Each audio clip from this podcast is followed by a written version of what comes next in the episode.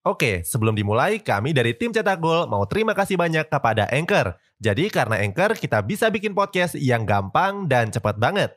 Mulai dari edit sampai share dan publish di banyak platform. Mulai dari Spotify, Apple Podcast, sampai platform podcast lainnya. Aplikasi Anchor ini gratis, bisa di-download di App Store dan Play Store, atau kamu juga bisa akses di website www.anchor.fm. Jadi sekali lagi terima kasih kepada Anchor yang bikin Cetak Gol punya podcast yang bisa kamu dengarkan sekarang.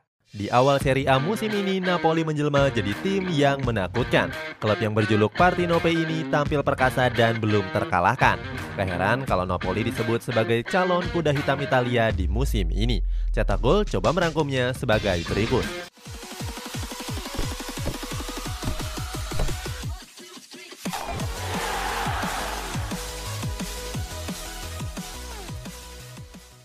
Menang di enam laga berturut-turut. Napoli mengawali musim 2021-2022 dengan cukup baik. Klub yang bermarkas di Stadion San Paulo ini tampil tangguh dan belum sekalipun dikalahkan. Keperkasaan Napoli sudah terlihat pada enam laga uji coba pramusimnya.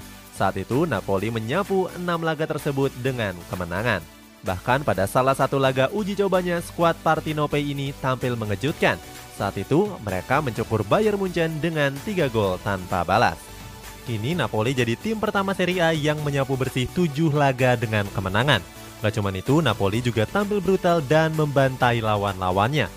Sampai saat ini, Napoli masih jadi klub dengan produktivitas gol paling tinggi di Serie A. Hal ini terlihat di mana mereka sudah menjebol gawang lawan sebanyak 18 kali. Hebatnya, gawang Napoli cuma bobol sebanyak tiga kali saja – Kebobolan itu didapatkan pada saat bertanding melawan Juventus, Genoa, dan juga Fiorentina. Kedatangan Luciano Spalletti Pada bulan Mei kemarin, Napoli resmi memperkenalkan Luciano Spalletti sebagai pelatih baru mereka. Spalletti didatangkan untuk menggantikan posisi dari Gennaro Gattuso. Gattuso dianggap gagal dalam mengantarkan skuad Partinope ke zona Liga Champions. Saat itu Napoli sempat memperebutkan tiket sampai pekan terakhir Serie A. Tapi sayangnya di laga terakhir menghadapi Hellas Verona mereka gagal dan ditahan imbang dengan skor satu sama. Walaupun gagal ke Liga Champions, tapi Napoli sendiri sebenarnya sudah tampil cukup baik. Saat itu mereka cuma selisih satu gol dari Juventus yang berada di peringkat 4. Di tangan Spalletti, Napoli lebih sering menggunakan formasi 4-3-3. Pelatih asal Italia ini kerap memasang trio lini serang yang berisikan Matteo Politano, Victor Osimhen, serta Lorenzo Insigne. Trio tersebut seakan cocok di bawah tangan dingin dari Luciano Spalletti. Benar saja mereka tampil ganas di ujung tombak skuad Partinope. Trio yang disingkat MVL ini sudah membukukan 7 gol dari 6 laga yang sudah dimainkan. Oke, sebelum dilanjut, ada yang penasaran nggak? Gimana caranya bikin dan nyebarin podcast yang kayak gini? Nah, ini karena tim cetak gol pakai Anchor. Mulai dari rekaman, edit suara, tambah lagu, sampai drag and drop bisa kita lakukan sendiri pakai Anchor. Satu aplikasi sudah bisa buat semua kebutuhan podcast.